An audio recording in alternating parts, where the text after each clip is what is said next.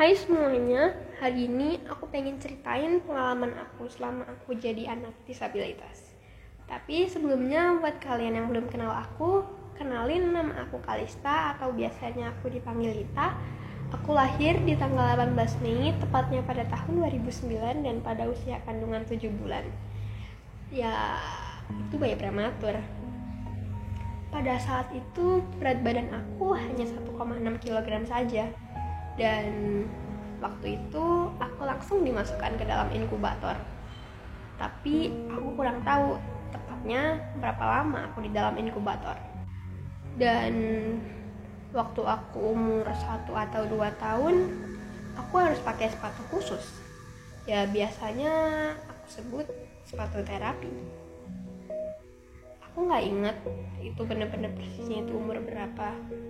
Tapi ya jelas aku ngelakuin hal-hal seperti anak-anak pada umumnya. Tapi bedanya aku nggak bisa jalan tanpa pegangan.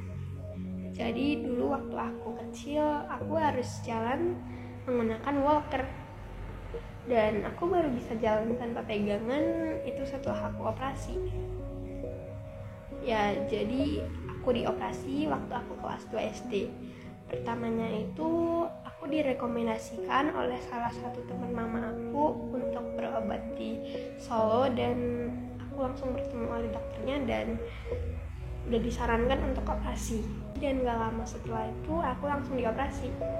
Dan itu operasinya cukup lama. Aku harus digips selama enam minggu dan dari atas sampai bawah.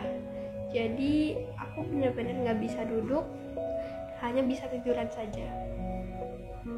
Aku makan disuapin mandi pun cuma bisa dilap badan aja. Ya jadi benar-benar gak enak lah. Selama enam minggu aku harus tiduran. Dan benar-benar kakinya nggak bisa ditekuk.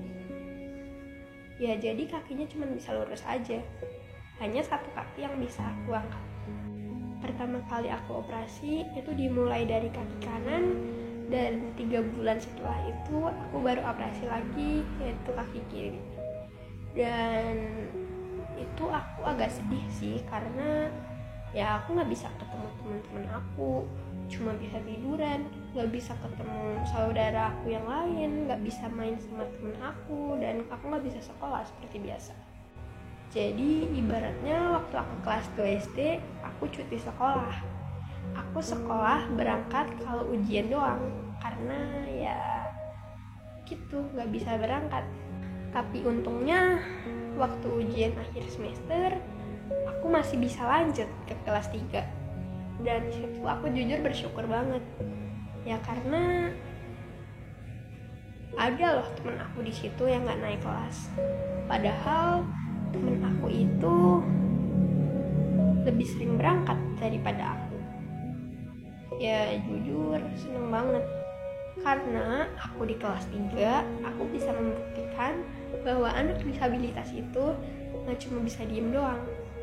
Karena waktu aku kelas 3 aku mewakilkan sekolah aku untuk mengikuti ajang perlombaan FLS 2N dan di kelas 3 pun aku masih bolak-balik ke Solo untuk kontrol.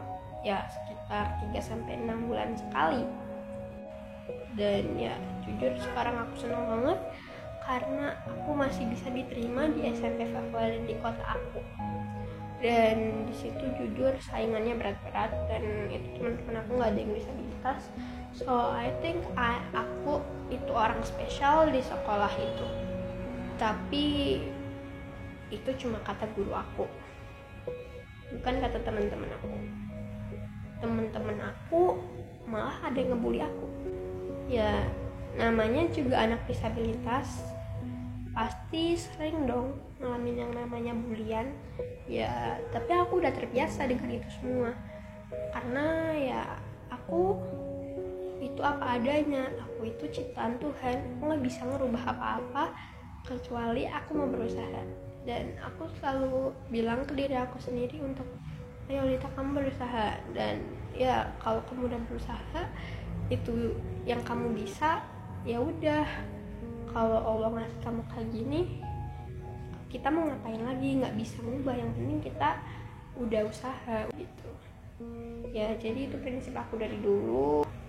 Dan jujur tulisan aku juga beda dari orang-orang lain. Tulisan aku bisa dibilang kayak anak SD kelas 1 tapi alhamdulillah tulisannya masih bisa dibaca sih. Ya walaupun ada beberapa kata-kata yang kadang sulit untuk dibaca. Tapi ya aku bersyukur dengan itu semua. Karena aku masih bisa punya teman aku masih bisa jalan walaupun gak sesempurna teman-teman aku yang lain. Tapi ya ada rasa gimana gitu karena kayak beda dari yang lain. Tapi aku tetap senang kok aku tetap semangat aku tetap berusaha dan ya pokoknya aku tetap bersyukur dengan kondisi aku yang sekarang. Dan ya pesan aku buat teman-teman disabilitas di luar sana kalian jangan patah semangat karena kalian pasti bisa. Yang penting kalian udah berusaha sebisa kalian dan kalian harus percaya kalau semuanya itu bakal indah pada waktunya. Semangat semuanya